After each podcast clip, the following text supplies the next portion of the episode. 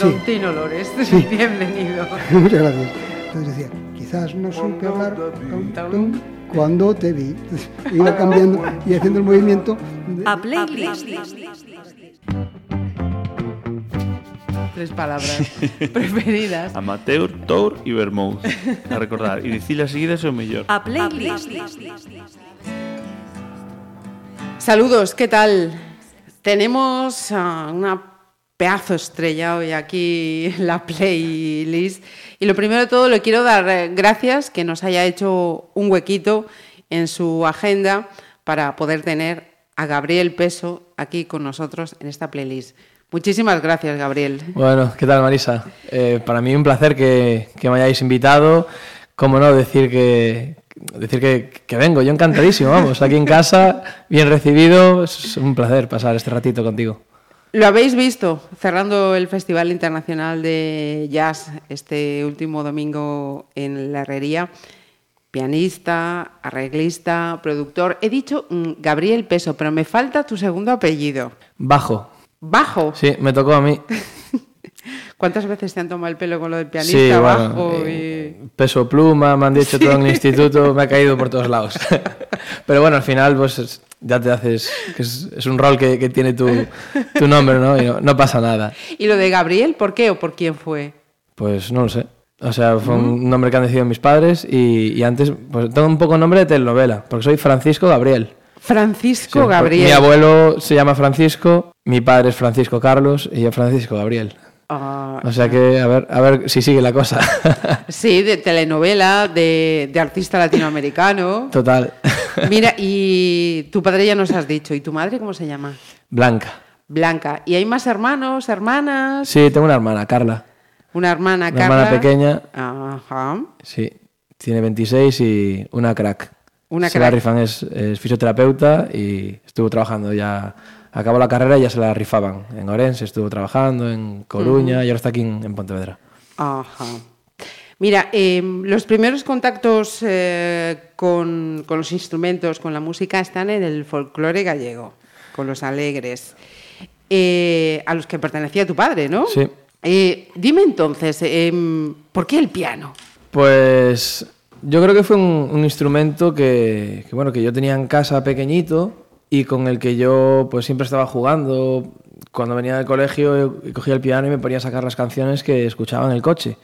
Cuando iba de, de, de viaje con mis padres a hacer los recados o me venían a buscar de, uh -huh. del, del, del, colegio. Entonces, eh, bueno, poco a poco vieron mis padres que, que, no lo estaba haciendo mal hasta que ya vinieron los Reyes Magos y me trajeron un piano súper grande de 88 teclas, contrapesada, con disquetera en el año 91 hablamos. Ajá. Yo soy del 87, pues con cuatro años me, me, hicieron los Reyes Magos. Tacatá. Y dije, ostras. Y bueno, pues ahí me quedé.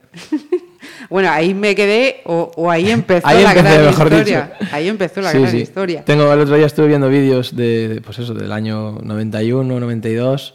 Y la verdad que yo me, me moría de risa viéndome con los cascos que no me cabían de lo pequeño que era la cabeza. Y, la verdad que estaba muy gracioso.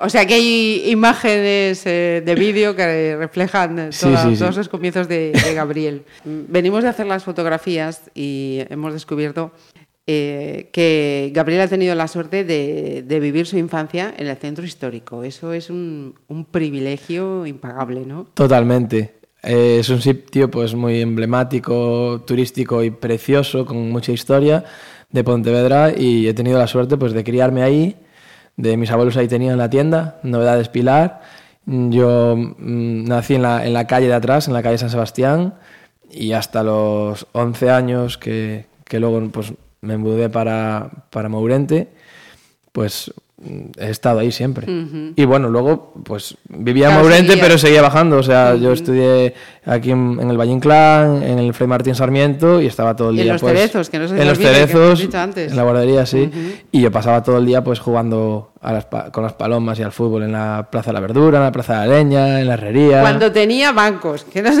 nos olvide, que nos, nos quita, quitaron las porterías. En la reforma de la Plaza de la Verdura, cuando estaba antes la policía local ahí, nos quitaron los bancos que eran las porterías que teníamos. para pasar la pelota por debajo y poder gritar gol.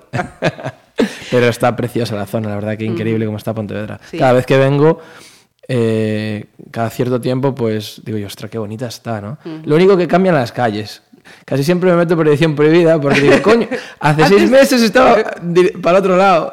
Lo van cambiando, pero bueno, da igual, está preciosa.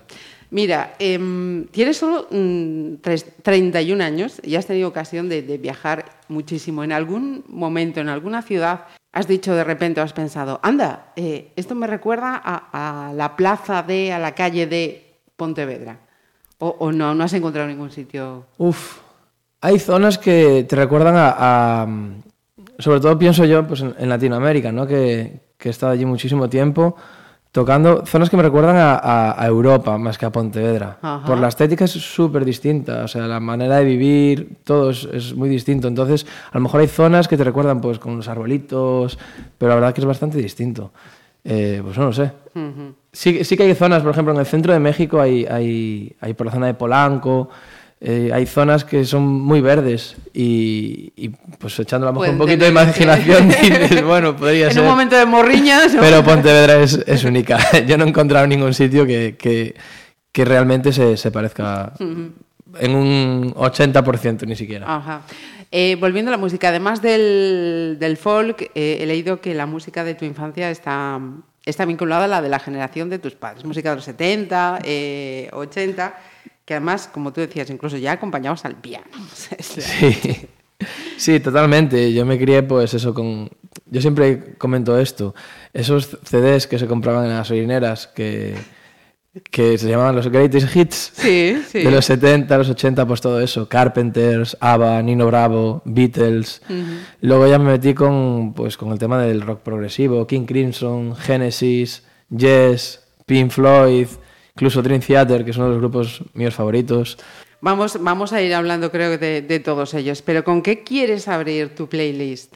Pues hay un tema que, que para mí marcó mucho, que es eh, un tema que, que tiene por título Mi tierra de Nino Bravo. Y ya que estamos en Pontevedra, pues esta es mi tierra. Así que yo creo que es un tema muy significativo.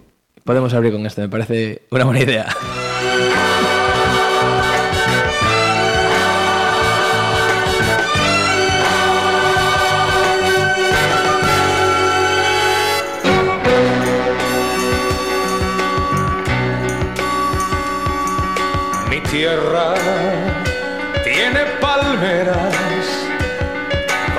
Tierra caliente. Mi tierra, mi tierra tiene montañas, mitad fuego, mitad nieve. Mi tierra Mi tierra tiene su sol, mismo sol que tu tierra. Mi tierra tiene su voz, que ruge si se la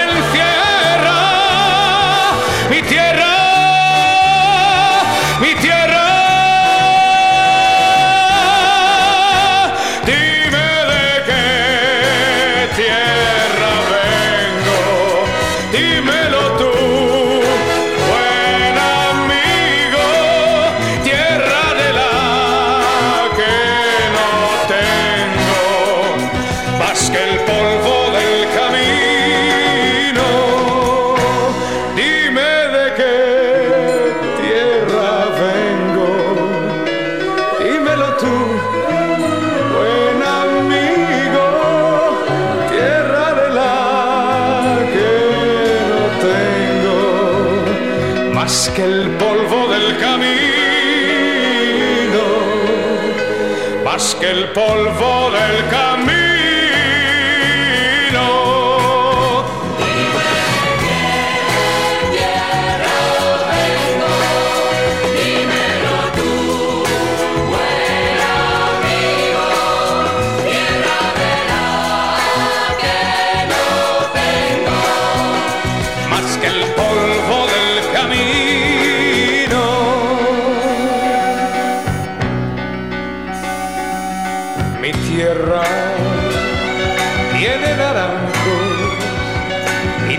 mares que la besan. Mi tierra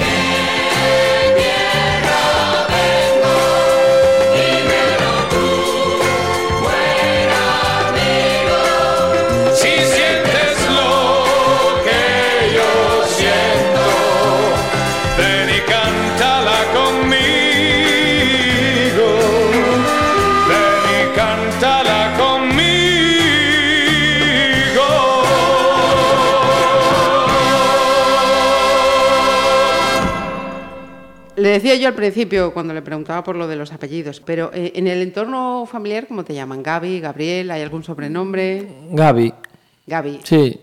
¿Y en el ámbito profesional? También de, son, suelen llamarme Gaby o Gabri, pero generalmente los amigos cercanos me, me suelen llamar Gaby. Ajá. ¿Y, y qué le ocurría al, al Gaby, Gabri, niño en el, en el, el colegio con las asignaturas de letras? Sí, yo ahí palmaba un poco.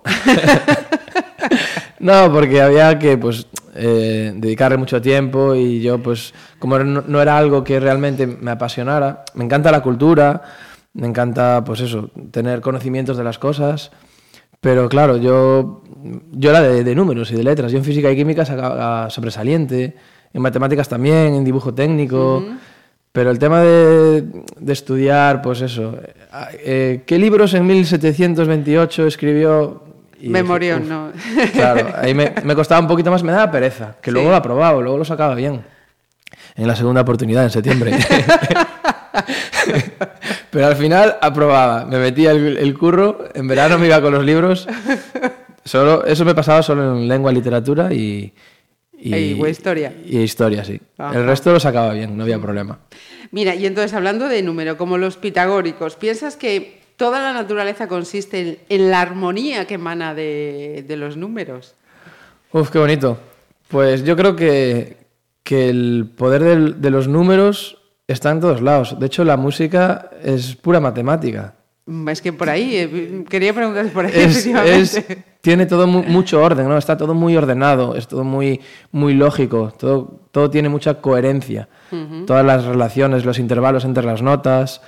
eh, está todo tan ordenado que me parece increíble que haya un, no sé si llamarlo, un departamento de la vida Sí. con, el que, con el que poder jugar libremente con tanto orden. Y con tanta libertad, porque tú tienes, es como, como, como un escritor, ¿no? Tú tienes un vocabulario y luego tú Ajá. creas. Pues con la música igual. Colores, pues infinitos, porque cada color es un sonido. Y luego los juntas y tienes texturas infinitas. Y las melodías son infinitas. O sea, tienes ahí que no te lo acabas. Ajá. no te lo acabas. Porque desde el desconocimiento, tú manejas, como he visto que algunos músicos sí hacen eh, lo de la proporción áurea y los números de Fibonacci y todo eso. o- He investigado un poquito, pero es para, para dedicarle tiempo. Sí, ¿no? Sí, sí. Ajá. Es muy bonito. Eh, también he leído que jugabas mucho al fútbol de niños, lo acabas de comentar, aquellas porterías que les quitaron. Eh, ¿Algún puesto te gustaba especialmente o...? Yo jugaba de 7. Yo era fan de Raúl González, blanco, delantero del Real Madrid. Y, y yo jugaba de 7, media punta. Y de recoger en el medio del campo, abrir a la banda y estar ya en el, en el punto de penalti para rematar. O sea, eh, merengue. Sí, merengue. merengue y bueno, yo cuando estaba estudiando en el Conservatorio Superior de La Coruña, yo entrenaba con el filial del Deportivo. Tuve una Ah. etapa, lo que pasa con el, con el Iris. Y, eh, entrenábamos allí en la torre, en, bueno, en la Torre de Hércules, que están todos los campos allí. Me entrenaba Arsenio Iglesias. Toma. Sí, con, con- venía a jugar a veces partidos con nosotros Donato y Songo. Bueno, fue una experiencia increíble. De, que no era fútbol de calle, era fútbol ya de que Sí, sí, tócala, muévete y vamos a primero a mirar las estrategias. O sea, iba en serio. Lo que pasa que, claro, los partidos me coincidían con, con conciertos que yo tenía en los fines de semana y, y a todo no se podía estar. Ajá. Y dije yo, complicado compatibilizarlo. Pero bueno, me iba a entrenar con ellos y quemaba mis calorías y aprendía y lo pasaba muy bien. Esto, esto me recuerda a, a- a la biografía de Julio Iglesias, el fútbol, la música. Sí, bueno, yo muchas veces cuando, cuando a veces pues doy clases a alumnos puntuales, porque de momento tengo la suerte, bueno, la suerte no, que me encanta la docencia, ¿no? De hecho, aquí en Pontevedra, después de acabar la carrera, estuve, Mayeusis, estuve ¿no? en Mayeusis dando un año de, de clases. Pues siempre lo comparo algunos ejemplos con, con el fútbol. Ajá. Tiene mucha conexión para mí el fútbol y la, y la música. ¿Cuál es el último partido que has estado jugando? Así, aunque sea en plan pachanguita. Pues en, en Madrid tenemos un grupo de, de músicos que jugamos todos los lunes. Ah. Con lo cual está bien porque todos tenemos que cuidar nuestras manos, nuestros pies. Y entonces jugamos, pues eso, para, para vernos, para pasarlo bien, para correr un rato, pero con mucho cuidado. Hacemos otra paradita musical.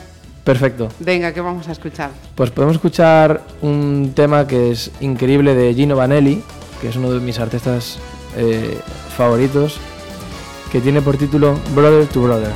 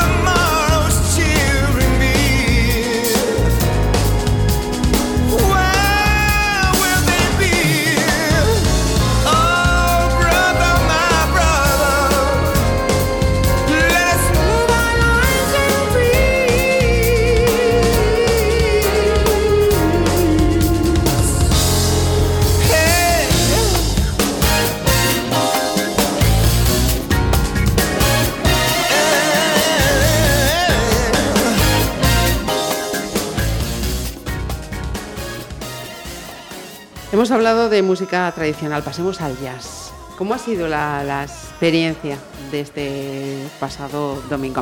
Fuera de micro ya me has dicho algo, pero quiero que la gente lo, lo sepa. Pues inolvidable.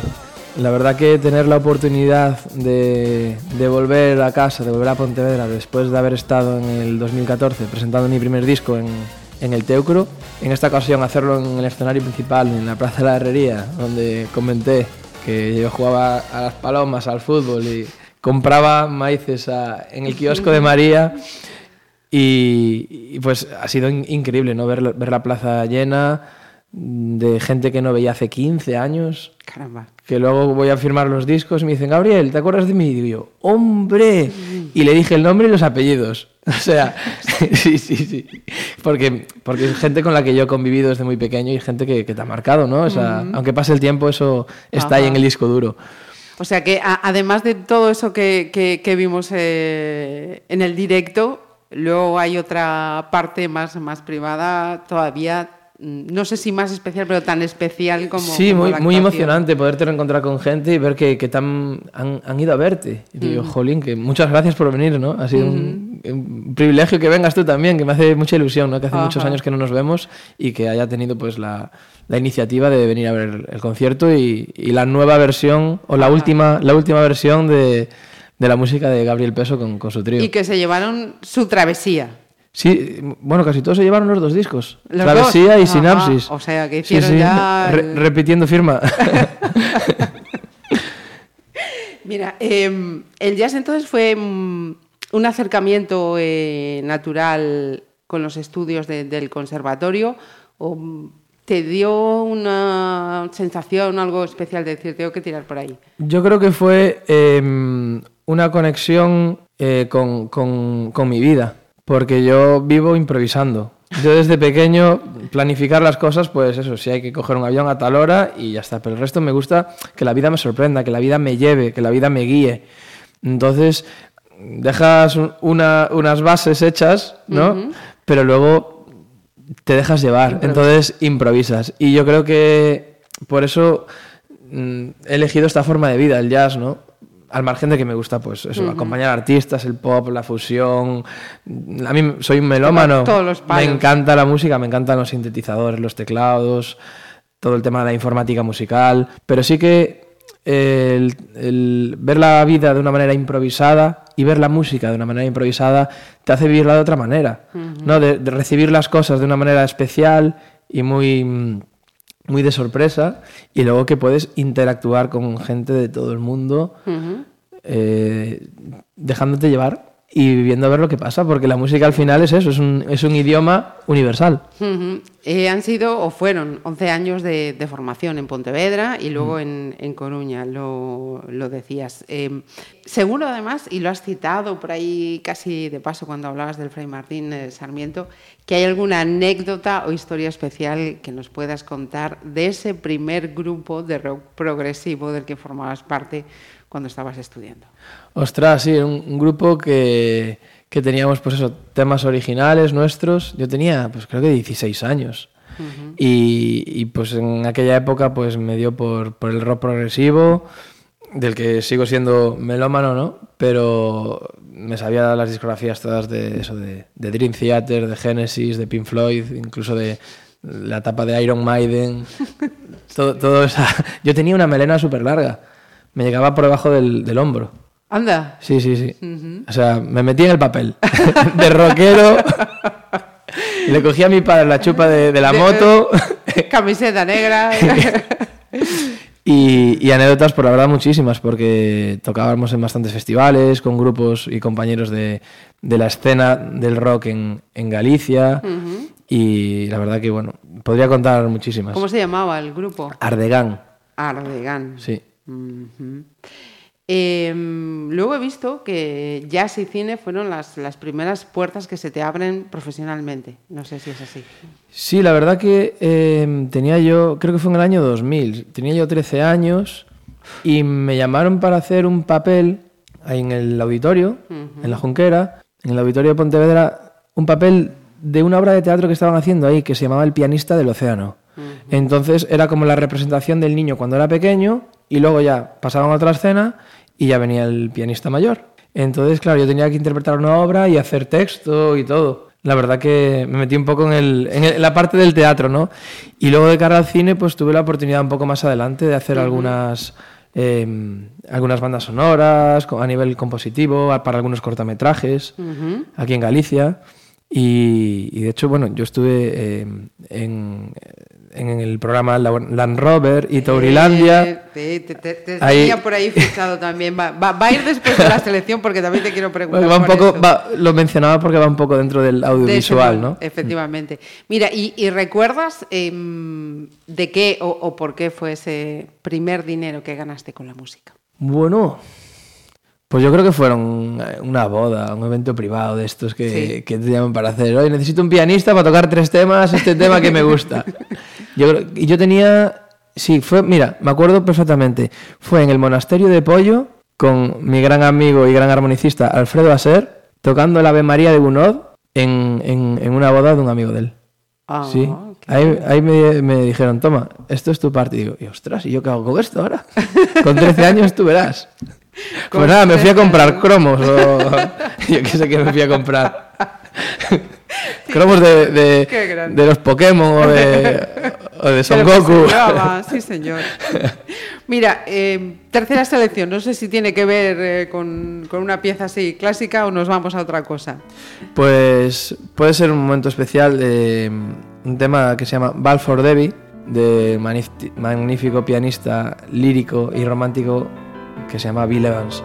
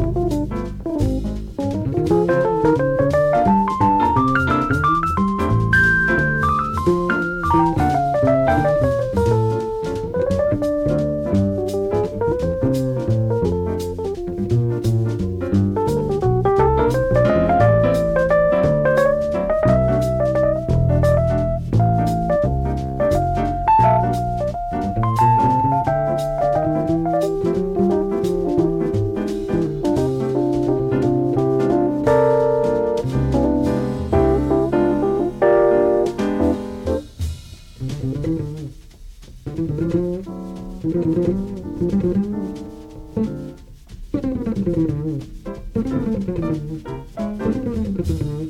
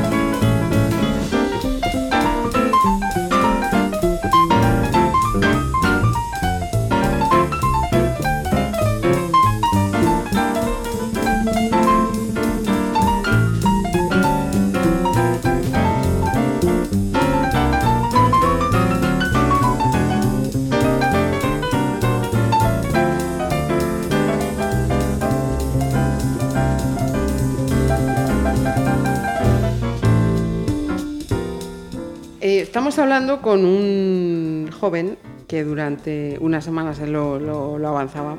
Fue el pianista de Tourilandia. Luego también estuviste con, con Land Rover. Eh, ahí también tuvo que haber muchísimas anécdotas. Bueno, ahí era un reír constante. Porque trabajar con Roberto Vilar y con, con José Antonio de Touriñán y todo el elenco de gente con un arte para el humor increíble, con David Zamor, con, con, bueno, con, con todo el mundo, o sea, aquello, una cantidad de nivel humor, de, de- de humor que había ahí, era increíble. Estábamos llorando de risa desde los ensayos. Ajá. Pasamos todo el día ensayando por la mañana, luego un ensayo general por la tarde y luego por la noche hacíamos el programa. Y claro, era un programa, pues es un night show, ¿no? Ajá. Un- una formación, vamos, un modelo distinto al que están ahora actualmente, ¿no? Yo estuve pues desde el 2010 hasta el 2013, Ujú. tres años seguidos y he vivido pues anécdotas increíbles. Ajá. O sea que, que esas risas no, no son una vez que se enciende la cámara, no. No, no, no, El ahí cachondeo están, y la risa están era. todo el rato, era increíble, no sabías cuándo iban en serio, Ajá. no, lo sabías. ¿Y, y, y eso cómo ha afectado al pianista, que tiene que estar concentrado? Bueno, en el momento de, de que te toca... a ver, callarse que me tengo que poner serio. En el momento de la interpretación, ahí estabas, estabas a lo que tenías que estar, ¿no? Porque acompañábamos a muchísimos artistas que venían todas las noches, hacíamos las ráfagas de programa. De hecho, la cabecera, lo que comentaba, que es un poco ligado al audiovisual, ¿no? Que me gusta mucho componer también para el audiovisual. La cabecera del programa la había compuesto yo. Entonces, claro, te daban una idea de por dónde querían ir los tiros y luego tú tenías que recrearte, coger sonidos, texturas, melodías y hacerlo, ¿no? Entonces también es un, es un campo que me gusta mucho porque te da la oportunidad de, de ser creativo y de expresarte para, para la- el trabajo que te están pidiendo. Ajá. ¿Recuerdas eh, ese momento en el que te dices, eh, Gabriel, a partir de ahora empiezas a, a componerte la vida por, por ti mismo? Ese momento de independencia fue así radical o fue... mm, Fue progresivo. Fue progresivo porque siempre he ido compatibilizando los estudios con, con la música. Hasta que cuando acabé el bachillerato, pues me fui a Coruña a estudiar el, el superior de, de jazz y de clásico. Que ahí, bueno, entré en las dos especialidades porque dije yo, no vaya a ser que, como tienes que hacer una pequeña oposición de, pues hay cuatro plazas y se presentan diez. Y si te quedas fuera, pues tienes un año de vacaciones. Como para perder un año. Entonces eh, entré en, en las dos y, y- y el primer año pues mm, me vine arriba porque dije yo, venga, ya no tengo que estar en el instituto, ahora todo música. Y ya tenía 20 asignaturas y aún por encima cogí dos optativas más. Toma. O sea, me, Pues vine, no me vine arriba y luego, claro, en diciembre dije, uff, las optativas las podía dejar para el año que viene. Y el primer año lo saqué todo, luego ya, pues bueno, fui clásico estudiando por mi cuenta y me centré más en la carrera de jazz para poder dedicarle tiempo y asimilar todos los conceptos que me estaban enseñando. O sea, y ahí es donde te quedas a vivir allí y empiezas a hacer tu vida por ti solito. 18 años tenía yo. 18 añitos. Mm, mm. Terminó, por cierto, que lo sepáis, con, con matrícula de honor. bueno, Ah, sí, el que se vino, el que se vino arriba. Vamos al momento eh, tributo, que tengo que decir eh, que yo tenía los datos mal y gracias a Gabriel me, me he reubicado. Hay dos momentos tributo. Por una parte, Queen, ¿no? para el que hiciste los arreglos, At Night at the Opera, y luego por otra parte, eh, tributo a Dire Straits con Brothers in Band. sí. Entonces, para no meter yo la pata, cuéntame cuánto tiempo y cómo fue esas dos experiencias tributo. Pues bueno, el- la época de los tributos a mí me gusta mucho porque haces un poco homenaje a las bandas que te gustan, ¿no? Y las estudias profundamente, con su, su repertorio prácticamente total, o por lo menos lo más importante. Eh, estudias lo que hacen pues eso, los grandes eh, pianistas con los sonidos, tal cual el disco, intentas imitar lo que escuchas. sí. Y eso es un trabajo de elaboración y de creación pues complicado, ¿no? Que te hace evolucionar y aprender para luego llevarlo a, a otros terrenos. Todo eso de, de- de, pues no copiar, pero es intentar imitar con tu personalidad aquello que estás escuchando. Trabajas el oído muchísimo para aprender a transcribir. Está muy bien. Entonces, yo tuve una etapa en el 2009 con, con este tributo a, a, a Dire Straits, Brothers in Band. Estuve un año así más o menos tocando con ellos. Creo que ellos siguen activos ahora también. La verdad que sonaba muy bien y, y siguen, siguen sonando muy bien, ¿no? Tengo compañeros que siguen ahí en la banda. Y luego, eh, ya en el año 2013, eh, tuve la oportunidad de poder arreglar para cuerda eh, el proyecto de A Night at the Opera de, de Queen. Con, al principio iba a ser con, con orquesta grande, pero al final se quedó un cuarteto de cuerda y banda. Entonces tuve la oportunidad de hacer los arreglos para la banda y para el cuarteto de cuerda, imitando a, a- a la, a la orquesta. ¿no?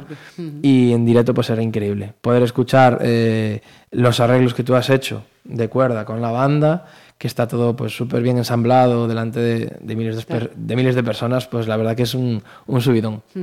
Esos fueron tus eh, primeros grandes miles de personas. Bueno, yo creo que fue. No, no me acuerdo ahora el punto de inflexión, de decir dónde está ahora la, la multitud. Fue poco a poco, eh, pero sí que más o menos por esa etapa ya ibas viendo que pues ibas tocando en plazas de toros, en plazas de ayuntamientos al aire libre, que pues eso, no sabías cuánta gente sí. había. Sí, había sí. pues mucha y poco a poco pues ibas ya haciéndote un poco con, con lo que te esperaba en los años, en los años siguientes. Esto es lo que te queda. Mira, em, ¿hasta dónde llevas tu perfeccionismo? Que he leído que eres o te declaras muy perfeccionista. Sí, porque yo creo que eh, las cosas hay que hacerlas bien.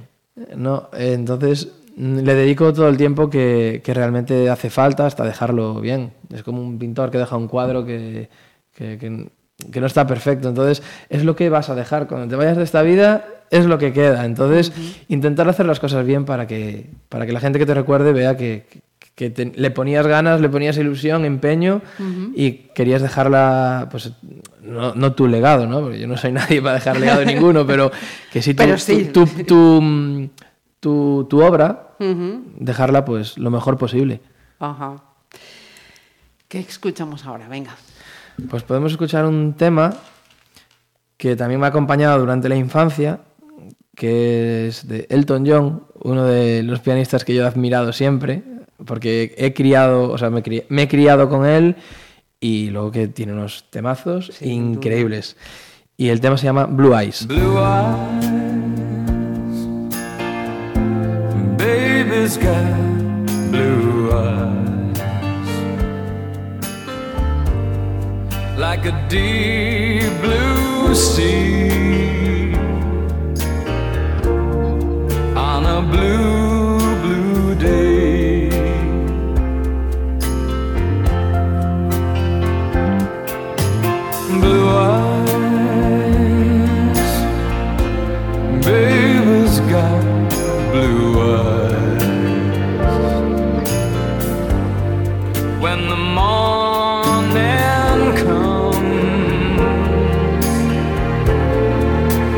far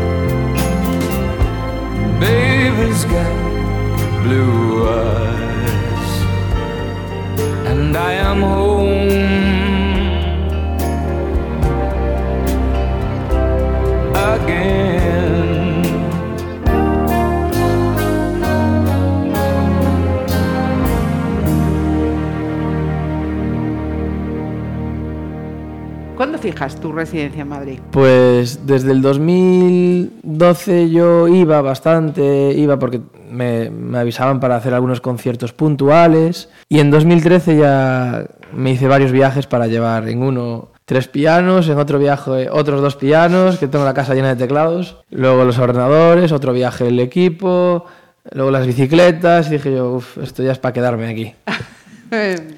Y, y sí, en 2013, en- antes del verano de 2013, fue cuando ya, ya me dice madre, ¿dónde vas con tanta ropa? Y yo, pues, de momento me voy a quedar una temporada. Y al final, pues, Pues mira, ¿dónde estamos hoy? ya me, me he quedado allí. Me acuerdo la- la- el comentario de mi madre, me dice, ¿pero tanta ropa te hace falta para esto que vas a hacer?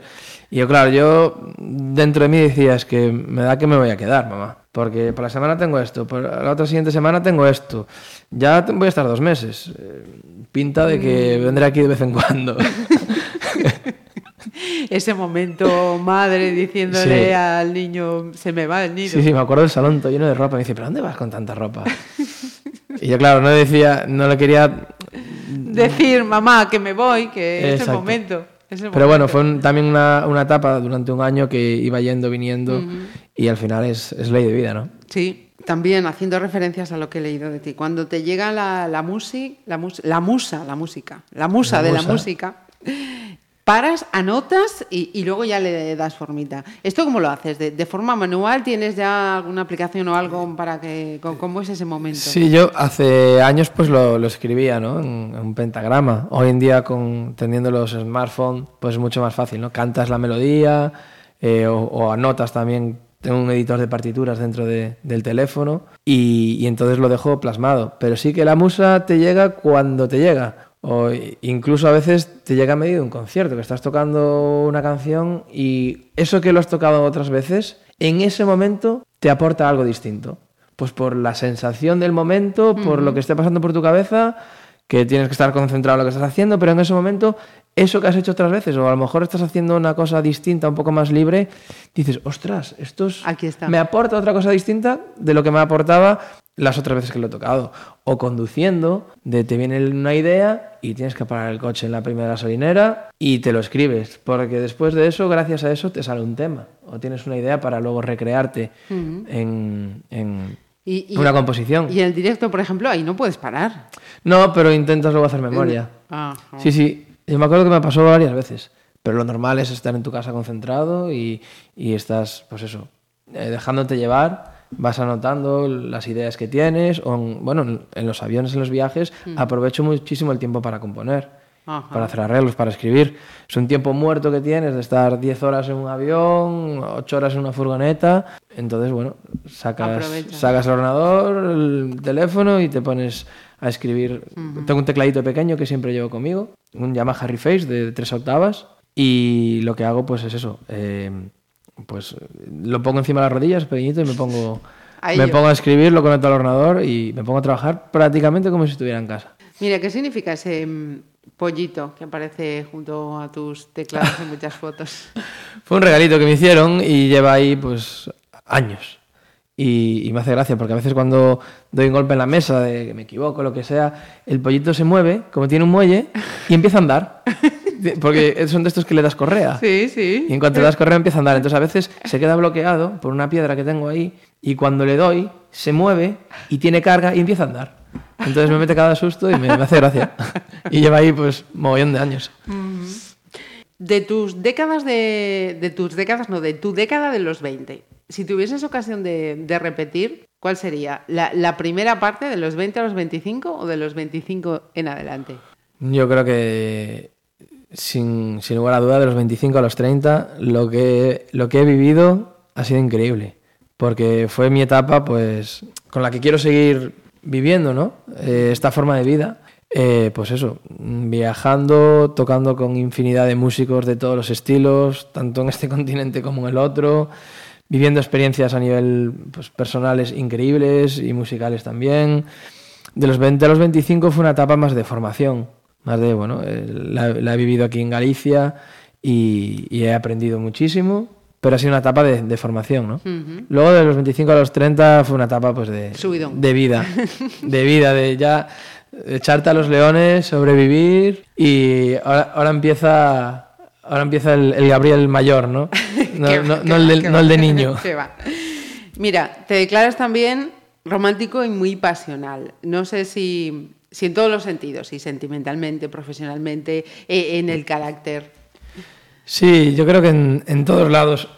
yo soy muy, muy sentimental porque me tomo las cosas, pues, de verdad, ¿no? Con mucha ilusión, me entrego. Cuando hago las cosas para alguien, pues, un trabajo que me encargan, yo incluso pienso que a veces lo hago mejor que, que si fuese para mí. Porque la responsabilidad que te implica, y aparte que luego lleva tu nombre, lleva tu sello, entonces te dejas el alma en hacer las cosas.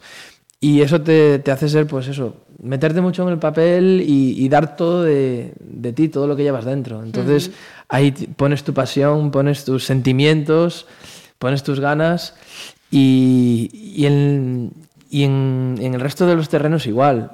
Yo me considero que no, no tengo doble máscara ni nada, yo soy igual desde el minuto uno. De hecho, mucha gente me dice, o sea, tu amigo Gabriel está... Qué extrovertido, ¿no? Está un poco loco. Me acaban de conocer. Digo, que te diga Pepito que soy igual en los cinco primeros minutos que me acabas de conocer, ahora y hace 10 años. Ajá. O sea, he evolucionado pues a nivel, pues eso de... Sí, la edad te, te va dejando un pozo, efectivamente. Exactamente, pero al final la, la esencia... Está ahí. Yo, yo veo que so- soy igual. eso está bien. Eso está soy bien. igual de, de echado para adelante, de, de- de sincero, de... no sé. Eh, ¿Estado sentimental actual? Bueno, algo hay. Algo hay. Con calma, porque la verdad que es complicado compatibilizar... eh, Una vida tan ajetreada como Sí, la tuya. es, es- es difícil. Yo, yo tuve, pues eso, una relación muchos años aquí en Galicia y luego ya la música me quitaba tanto tiempo y por mutuo acuerdo. y, y la verdad que, bueno, pero es algo muy importante, ¿no? Yo creo que también tener una vida sentimental propia te ayuda a tener esa estabilidad para poder hacer todo con mucho más equilibrio, ¿no? Vale. Antes de pasar ya a la mitad de esta playlist, eh, eh, ¿ese romanticismo y apasionamiento te lo ha hecho pasar más mal que bien o más bien que mal? Siempre positivo. Como decía Bangal, ¿no? sí, señor. Eh, siempre es algo positivo y, y- y fructífero, yo creo. Porque mm, cuando lo das todo, luego suele ser recíproco Ajá. y, y lo recibes de, de una manera muy, muy gratificante. Ujú. Pues que escuchamos en este momento positivo. Pues podemos escuchar un tema de, de Carpenters que es otro grupo que me ha acompañado también desde la infancia, que se llama This Masquerade.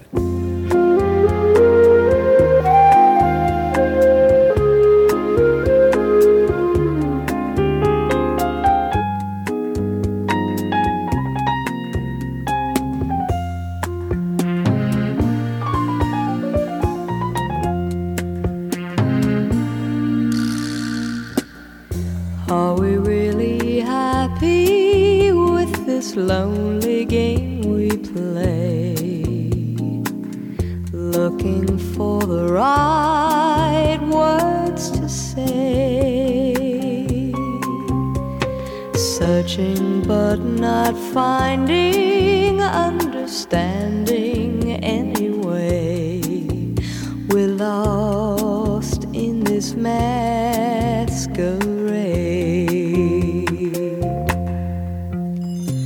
Both afraid to say we're just too far away from being close together from the start.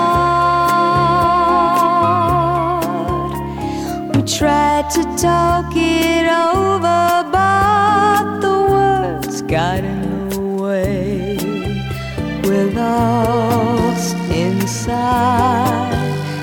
this lonely game we play. Thoughts of leaving disappear each time I see your eyes. And no matter how hard I try to understand the reason why we carry on this way, we're lost in this masquerade.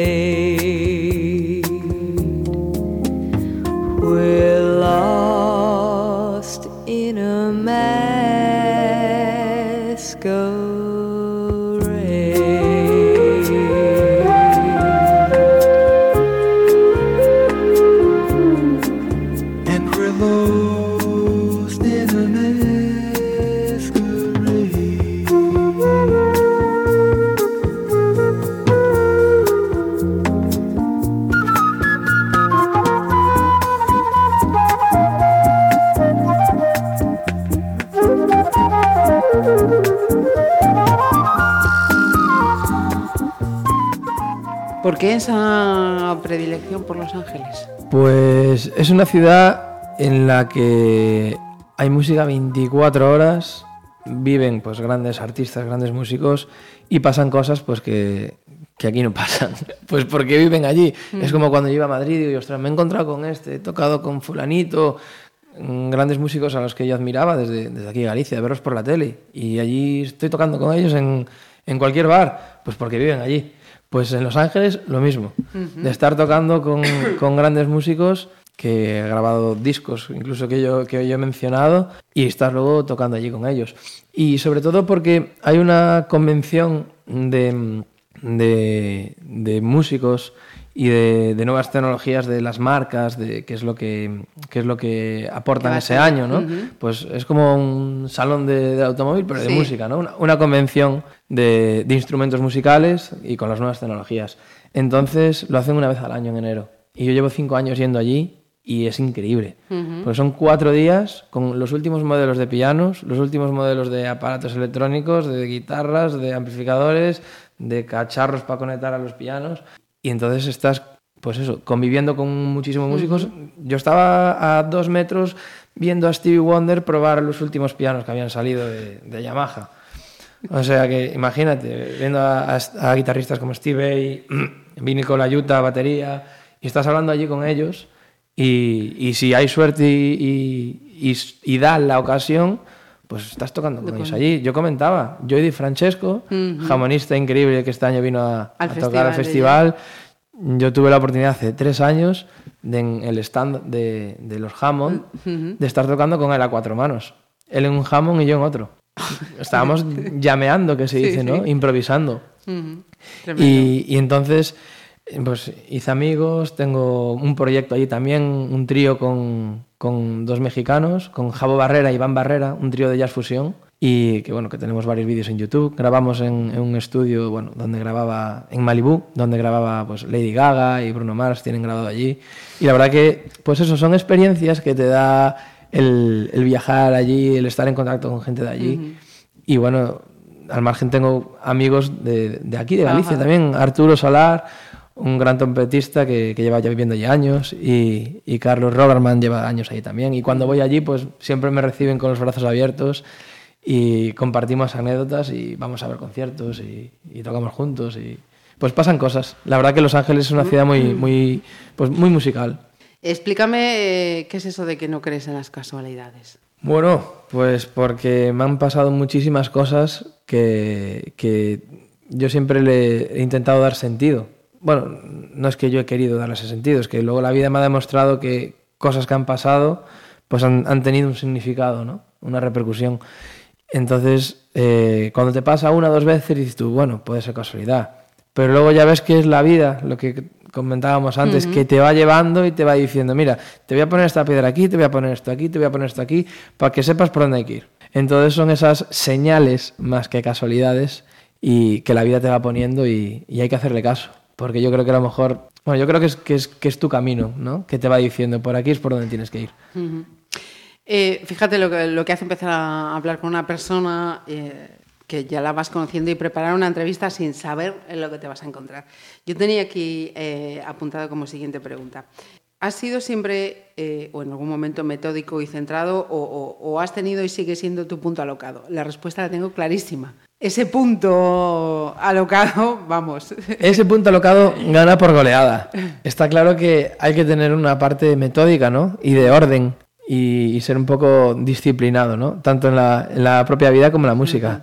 Pero sí que la parte alocada te da, te da esa... Mucha libertad, Te da sí. esa libertad y esa explosión y esa dinámica que dices tú, bueno, aquí puede salir cualquier cosa. Entonces, sorpresa.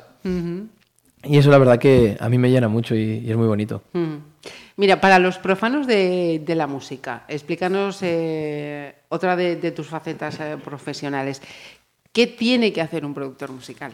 Pues es una tarea muy complicada y de mucha responsabilidad porque cuando delegan en ti una producción eh, es porque han confiado en tu trabajo, confían en tu criterio y tienes que encargarte pues eso de casi siempre de hacer los arreglos, luego encargarte de, de estar con el ingeniero de sonido para hacer las mezclas, encargarte de, de un poco de la organización de todo también, de, de hablar con el estudio, de, ser, eh, pues eso, tener mucho compromiso con, con todo.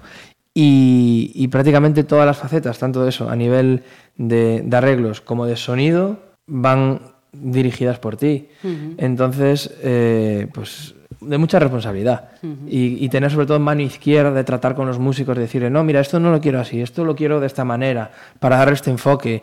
A veces a- al artista también tienes que decirle, oye, yo creo que mejor vamos a hacerlo de esta manera. Y a lo mejor el artista venía con otra idea. Y, dice- y yo le digo, a ver, yo en este caso soy el productor, pero tú eres el artista, vamos a llegar a un, a un- a un un acuerdo. acuerdo. Yo creo que esto es así. Y a veces tienes que ceder un poco, otras veces dicen, ostras, pues gracias, Gabriel, porque realmente es eso lo que buscaba. Y ahí dices, qué bien, que hemos Que nos llegado... nos hemos entendido. Que hemos llegado a ese punto en común, ¿no? Ajá. Y, y es un poco eso, la, la responsabilidad de, de- de dar ese trabajo que, en el que han confiado en ti. Que ha sido el ejemplo de Soraya Arneras. La verdad con Soraya fue increíble, porque yo estaba haciendo la, la tarea de, de director musical durante un año y medio, yendo con ella en directo y encargándome pues eso, de, de montar la gira, de organizar la gira y de, de llevarlo todo a directo. Y un día me dice Soraya... Bebe, "Oye, por favor, oye- que no quiero que te quedes No sin voz. Oye Gaby, eh, quiero hacerle un homenaje a, a- a mis fans de mis 10 años de carrera con 35 temas en un DVD acústico, con cuerda, coro gospel, sitar. eh, y dije yo, vale, me parece genial, vamos a ponernos a ello. Y cuando nos pusimos fue increíble la de experiencias que vivimos, porque era una, una labor realmente complicada. Había que coger 35 temas, hacerlo en varios medleys para que fuera al final 18 tracks en el DVD. Entonces había que coger temas de diferente tono, diferente estilo, mm, diferente tempo, diferente velocidad y había que enlazarlos todos. Pero claro, tú tenías el poder, por así decirlo, la, la varita, ¿no? la batuta, de hacerlo a tu gusto y tener la libertad de encajar las piezas como tú quisieras dentro de un orden musical y de, de eso, que todo fluyera, ¿no? Que no sonara cachos pegados. Entonces tenías el comodín de la, de la cuerda, ¿no? Porque era con cuarteto de cuerda. Y hacer los arreglos de todo eso, que Soraya tenía una música, pues una parte electrónica, quitar todo lo electrónico, dejarlo todo acústico. Bueno, conté con, con Luisito Dulzaides, que fue el percusionista de Alejandro Sanz muchos años. Grandes compañeros también, Pedro Corral a la batería, Alejandro Masafret al bajo. Y la cuerda era de, de la radio y televisión española, cuatro músicos de allí. Entonces, claro, yo tenía un equipo increíble y solo me tuve que poner a hacer los arreglos de las partituras durante un mes. Llegamos a los ensayos y sonaba aquello como Los Ángeles. Y lo grabamos en directo, en los estudios PKO de Madrid, junto a otro pontevedrés, que es el ingeniero de sonido, Caco Refojo. Caco. Caco, que es el hijo de, de aquí, de Carabela.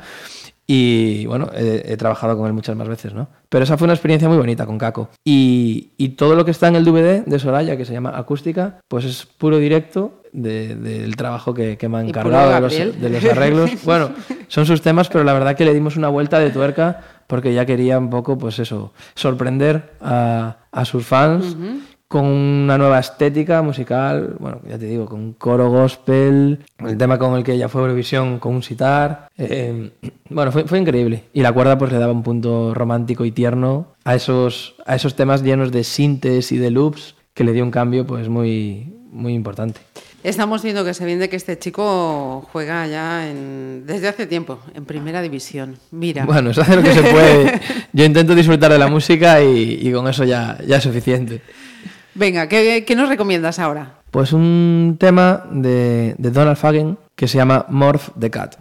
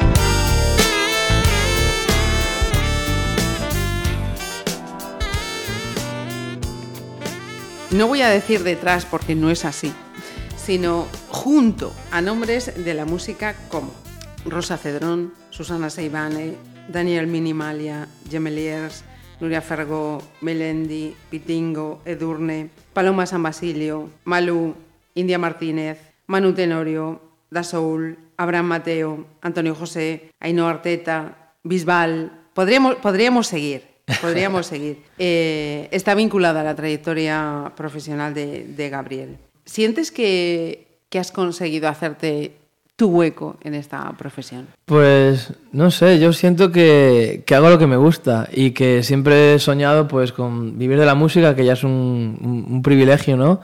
Y, y- y dentro de, de la música, que tiene muchos campos, muchos ámbitos, pues eso, a nivel pues, docente, de composición, de interpretación, eh, pues también hay un campo que es el de, de freelance, ¿no? De, vamos a llamarle, de mercenario, acompañando a, pues, a gente con la, a la cual admiras y que luego tienes la oportunidad de, de trabajar con grandísimos músicos. Yo he tenido la suerte de, pues ya llevo, esta es la tercera gira que hago con David Bisbal y, y estoy trabajando con músicos con los que yo admiro desde que tengo 15 años. Ludovico Bagnone, es el director musical, lo fue de Alejandro Sanz muchos años y, y trabajo con él mano a mano, nos queremos muchísimo y aprendo de él todos los días porque es un- una referencia, ¿no? una leyenda viva de la música en este país y en, y en Italia. David Simón en la batería, Jordi Portaz en el bajo, Alfredo Chacón en la percusión, eh, Ovidio López en la, en la otra guitarra. O sea, son músicos mm, que llevan años y años trabajando con miles de artistas y las grandes giras de hace 20 años. Y yo estoy trabajando con ellos, entonces, ¿cómo no me va a gustar? ¿Que, que me he ganado un hueco o no? Pues no lo sé, sé que mucha gente pues quiere contar conmigo y yo mm, agradecido y con ilusión y con ganas, para allá que voy. y ya está. ¿Cómo es la, la cotidianidad, entre comillas, si se puede llamarse así, de, de una gira, por ejemplo, ¿no? Como, como la que acabas de, de señalar. Pues, hombre, tiene su, su rutina, ¿no? Pero luego siempre cada, cada concierto tiene, tiene su, su momento, es distinto, es, es especial.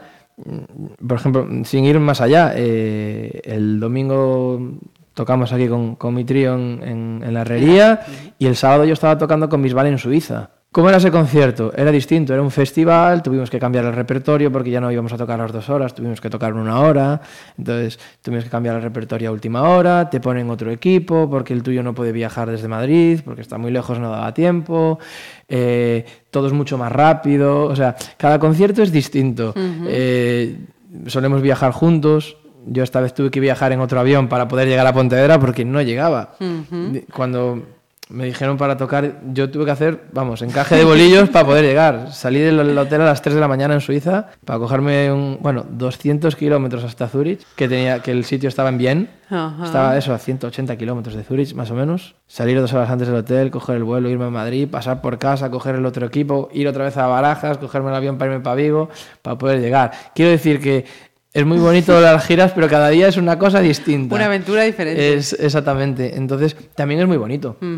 Y, y lo que hablábamos, es improvisar dentro de un cierto orden y, y- y dejarte llevar y, te sorprenden. Y luego, pues el repertorio, pues generalmente se toca siempre el mismo, otras veces se cambia porque hay eh, sitios puntuales que el artista quiere en este sitio hacer otro tema. Por ejemplo, en América el tema es el repertorio es distinto que en España, por el tema de- del público latino, ¿no? Entonces allí incluso, pues tanto, tanto Abraham Mateo, que estuvimos tres años viajando a América, como Ajá. ahora con David Bisbal, pues el repertorio latino es, eh, hacemos otros arreglos incluso distintos. Incluso el artista te dice dos horas antes del show, aquí vamos a cambiar esto. Y digo yo, quedan dos horas. Gaby, venga, vamos a hacerlo. Venga, venga, nos ponemos a ello. Y en camerinos en el ordenador, cambiando pues las programaciones, hablando con la banda, chicos, en vez de hacer cuatro compases, vamos a hacer ocho. Aquí, como estamos en el Luna Par de Buenos Aires o en el Auditorio Nacional de México, que también nos pasó, pues vamos a interactuar con el público para hacer una cosa especial para esta noche.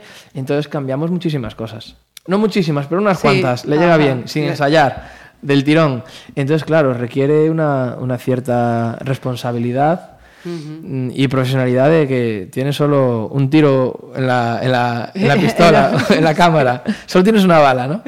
Entonces hay que, hay que apuntar y hay que hacerlo bien. Entonces te, re- te requiere esa concentración, ¿no? Para que entendáis lo que, lo que está explicando Gabriel, em, yo estaba echando un vistazo a algunos de, de- de esos vídeos, de esas, de esas giras, y me, me paré en el que hicisteis este año en Viña del Mar, ¿no? Ya os digo, lo, lo vamos a vincular a, a la información de Pontevedra Vive, Pontevedra Viva Radio. Hay un momento eh, en el que Bisbal está dirigiéndose al público y, y esas palabras eh, están acompañadas por ti, ¿no? Que son, son los teclados. Y yo decía, Dios mío, este hombre eh, eh, en ese momento, mm, ¿qué estará pasando en su cabeza? Porque Bisbal está hablando, está improvisando, pero es que él tiene que estar improvisando al mismo tiempo con el teclado, acompasando, siguiendo eso que, está diciendo, ¿no?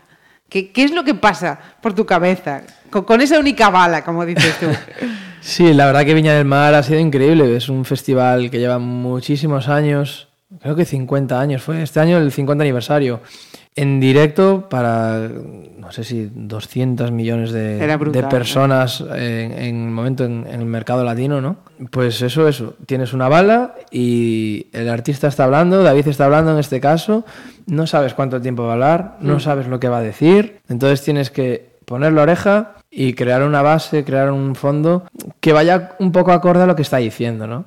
Que vaya, tienes que ponerle un poco eh, esos colores de lo que está diciendo, pues si está diciendo algo triste o algo alegre o algo más, más movido, más lento, tienes que, que dejarte llevar, cerrar los ojos e intentar que lo que esté diciendo tenga una, una buena conexión una con- conexión, una buena base con coherencia, ¿no? Entonces, nada, pues es un poco tu obligación, tu trabajo y al final forma parte de eso, de, de algo ru- rutinario entre comillas, ¿no?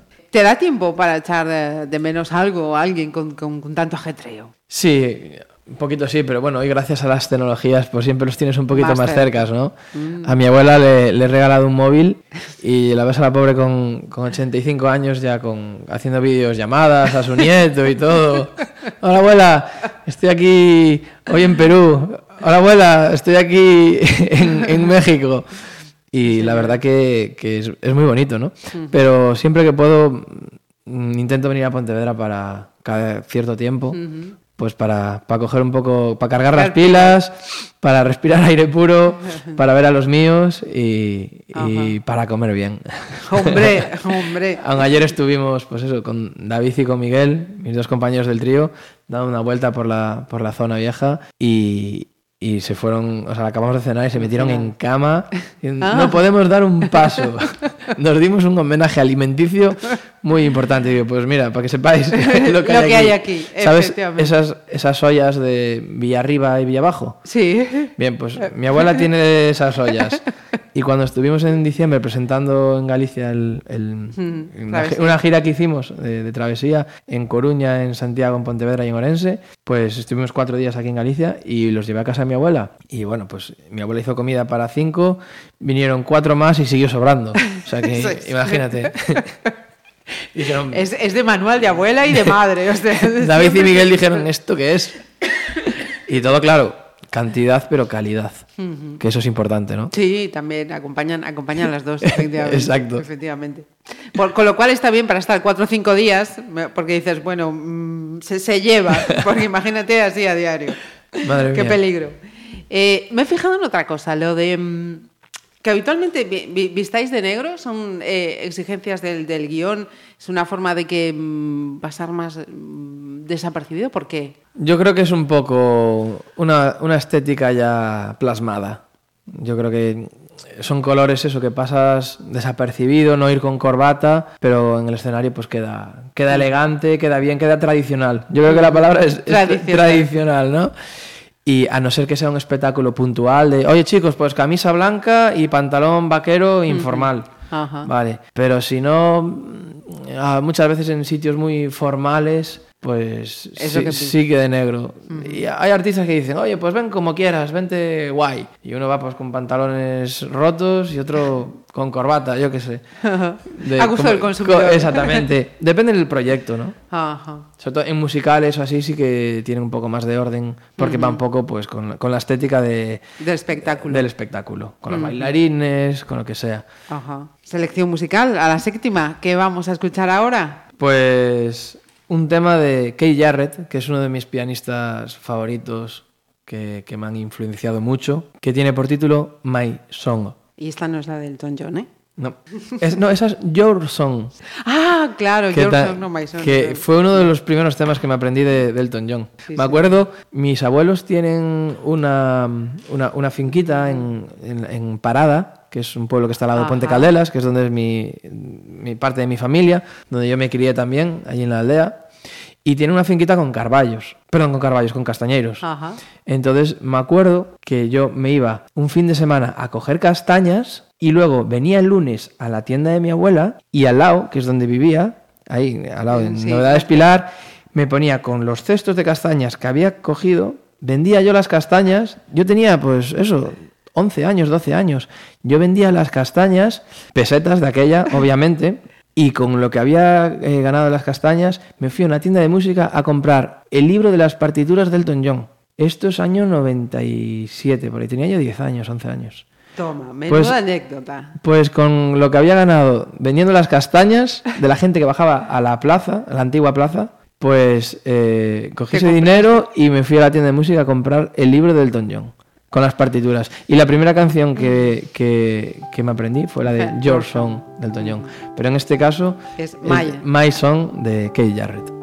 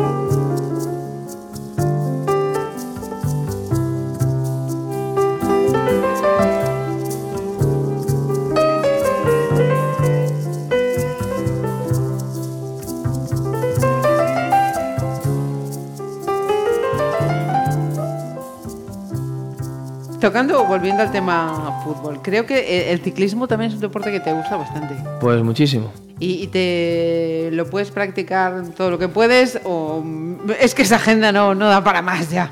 Bueno, lo, lo intento porque es también una vía de escape, ¿no? A nivel físico, de poder derrochar esa energía de tantas horas sentado delante del piano y, y- y del, y del ordenador. Eh, me gusta muchísimo la, la carretera y la de montaña, pero últimamente estoy practicando más la de montaña. Con cuidado, porque hay que ir con cuidado por el monte, pero sí que es una, una vía de escape muy bonita porque estás... Bueno, requiere mucho tiempo también, pues una ruta a lo mejor te lleva 4 o Cuatro, sí, 5 te decía. horas, ¿no?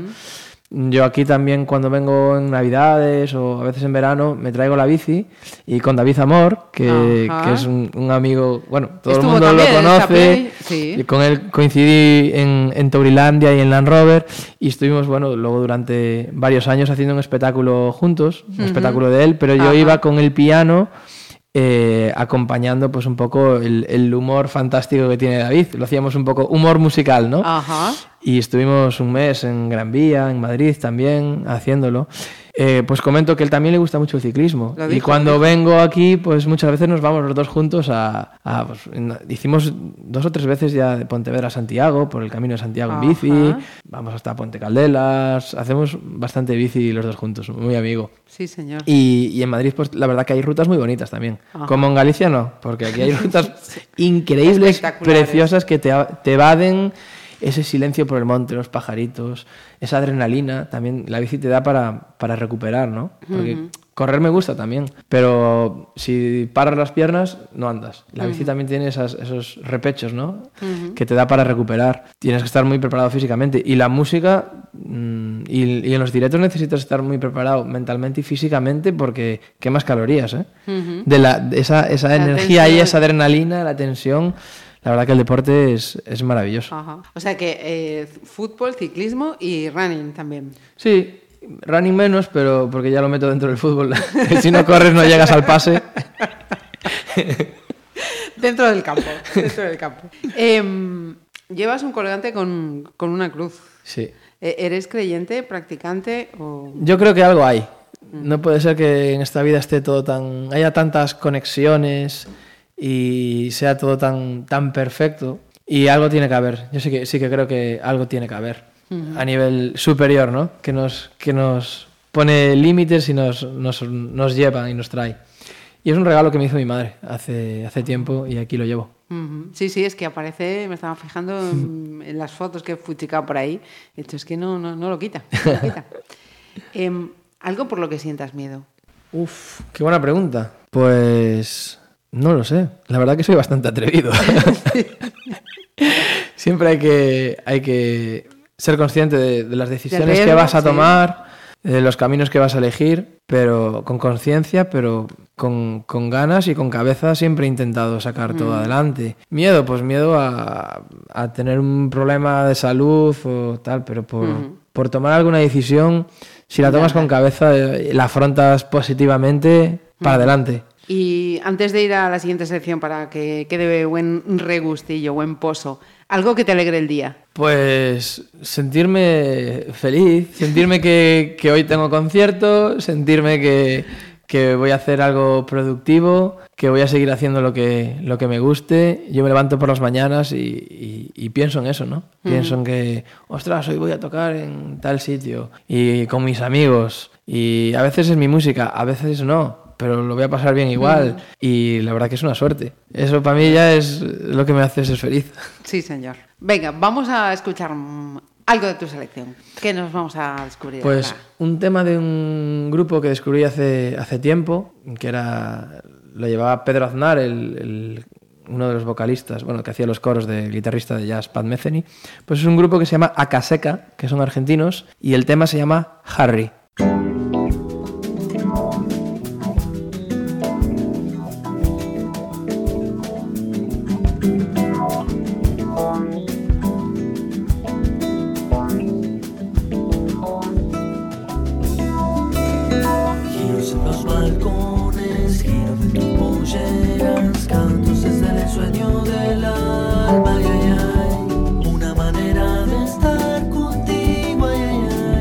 selvas para atravesar.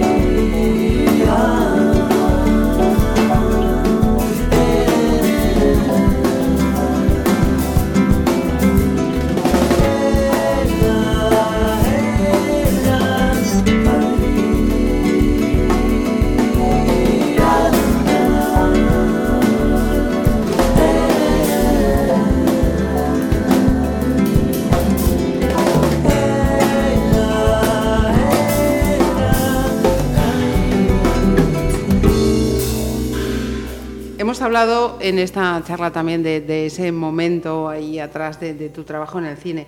Y, y has dicho que sigue siendo o sea, una faceta que, que te gusta, pero ahora mismo la, la tienes así un poco de, de lado, ¿no? Sí, porque requiere mucho tiempo y ahora mismo pues estoy eso, inmerso en varios proyectos y, y sobre todo en el directo y, y entonces tengo menos tiempo, ¿no? Mm. Pero sí que a nivel compositivo pues siempre estás activo. A veces tienes la oportunidad pues de derivarlo para otra gente y otras veces te lo quedas para ti, ¿no? y, pero lo de arreglar pues para, para orquesta, para cuerda, eso me ha gustado siempre. Y De hecho en Ma- en Madrid hago, hago bastantes cositas. Lo, lo último que hiciste fue que te llevarías a una isla desierta de Netflix. Eso, o- eso fue eh, una composición de, de mi amiga Vanessa Gardé, una increíble compositora de, de cine, y contó conmigo para, para, para, como pianista para la banda sonora de, de esta película de, de Netflix. Ajá. Ya que hemos citado también varios artistas, me gustaría eh, proponerte una cosa. Que me digas una palabra que te surja para estos nombres que te voy a citar. citar Ahí va. ¿vale? David Bisbal, Profesional, Abraham Mateo, perfeccionista. Soraya Arnelas, Soraya Arnelas, eh, carácter, Antonio José, pasión, Dasoul, eh, actitud, Rosa Cedrón, mm, magia, Malú, eh, poderío. David Ruiz. Madre mía, podría decir, es que una palabra es es muy es difícil. imposible. Es imposible. Eh, Pues venga, te lo pongo más fácil. David Ruiz y Miguel Asensio. increíbles. Los mejores. Eh, Sinapsis y Travesía son los dos trabajos, mm, como Gabriel Peso Trío. Complicado pensar en este momento en una tercera criatura. Pues no, porque ya hay cositas en camino. Ah, Hay cosas que de todo este último año, pues que... la musa ha venido muchas veces. La musa no, la musa no se va. Eso es importante. No se va. Y bueno, pues quédate aquí el tiempo que quieras. No te voy a, a cobrar por quedarte conmigo. Es gratis.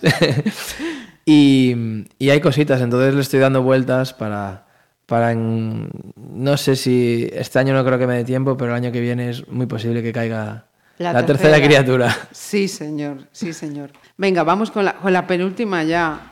Bueno, pues un tema que tiene por título Seven Seas de Abishai Cohen, contrabajista israelí de jazz y de, de todo.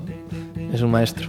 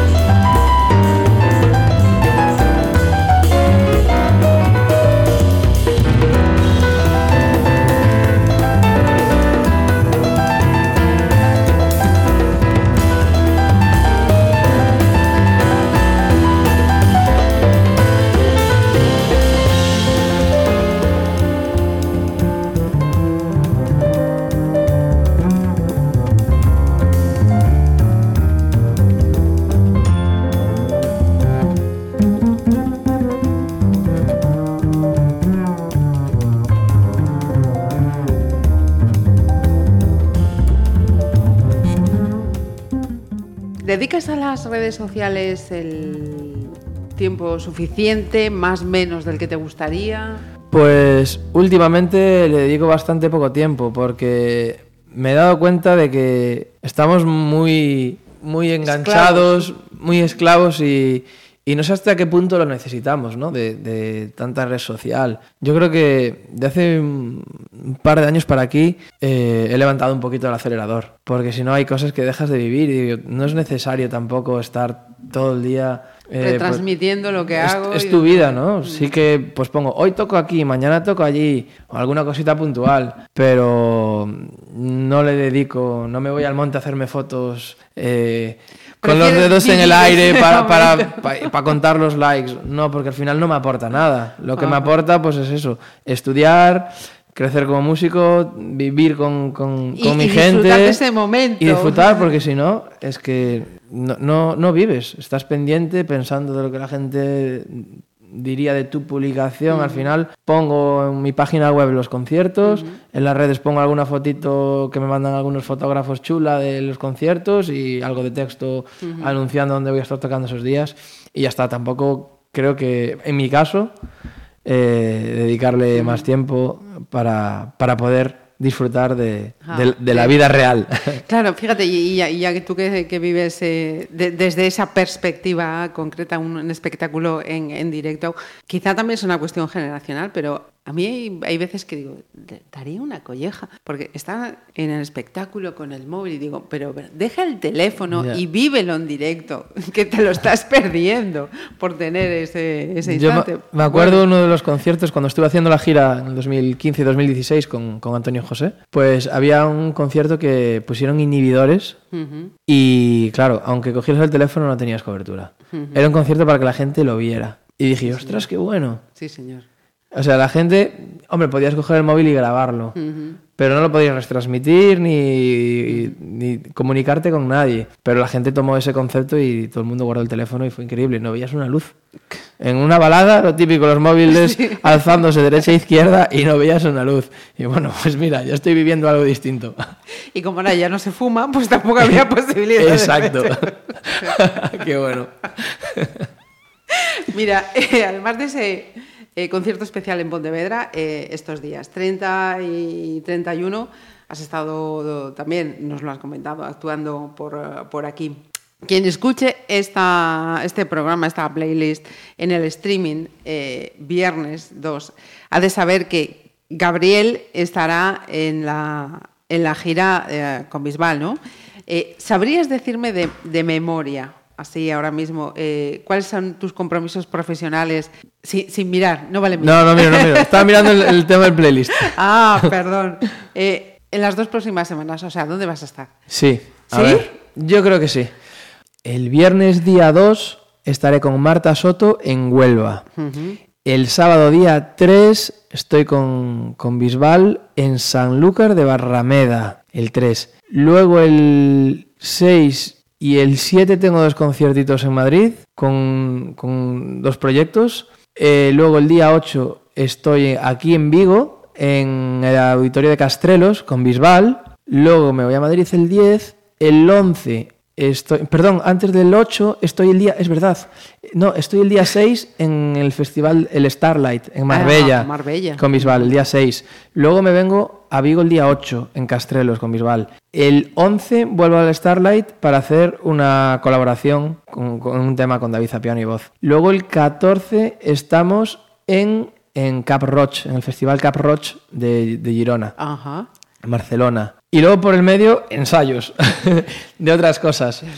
Eso hasta el día 14. Y luego la segunda, las- la segunda quincena también es, es, es, es movidita. Sí. Intensita. Después tengo el 17 también con Cosmo Soul. eh, eh, pues que lo tengo todo apuntado. Estoy tirando de, Claro, no, de no, cabeza. es que me parece brutal que con esa agenda seas capaz de, de saber dónde vas a estar en, Y en luego- los próximos días. un par de conciertos que tenemos con, con el trío también y, y ensayos y grabaciones y, y luego estudiar, que hay que estudiar tantos repertorios para luego poder hacerlo bien. Para poder eh, estar con tu, con tu familia, decir, voy a tener ahí un pequeño Kit Kat, o hay que decirles, no, no sé todavía cuándo va a poder ser. Eh, a veces hay fechas establecidas. Tengo la suerte de que mi padre viene bastante de Madrid por trabajo y a veces se trae a mi madre y nos vemos y se quedan en casa. Y, y- y bueno, y estamos juntos unos días y otras veces pues me vengo. Y si no, tiramos de, de tecnología. Pero sí, hay Bendito fechas establecidas. Skype y demás. Hay fechas establecidas y otras que, que a lo mejor tengo unos días libres y me cojo un avión o el coche y me vengo para acá. ¿Sientes eh, que estás todavía en una escala ascendente y que lo mejor de Gabriel Peso está todavía por llegar? Pues ojalá. Mm, Yo siempre pienso que, que esta vida no, no te la acabas, ¿no? Que no tiene fin y que espero de aquí a que, a que me vaya de este mundo que siga así, pues aprendiendo, disfrutando, creciendo y, y- que no tenga techo. Eso es lo, lo más bonito, ¿no? Porque si no, no tendría gracia y, y ya, ya te acabarías el juego, como yo, yo digo, ¿no?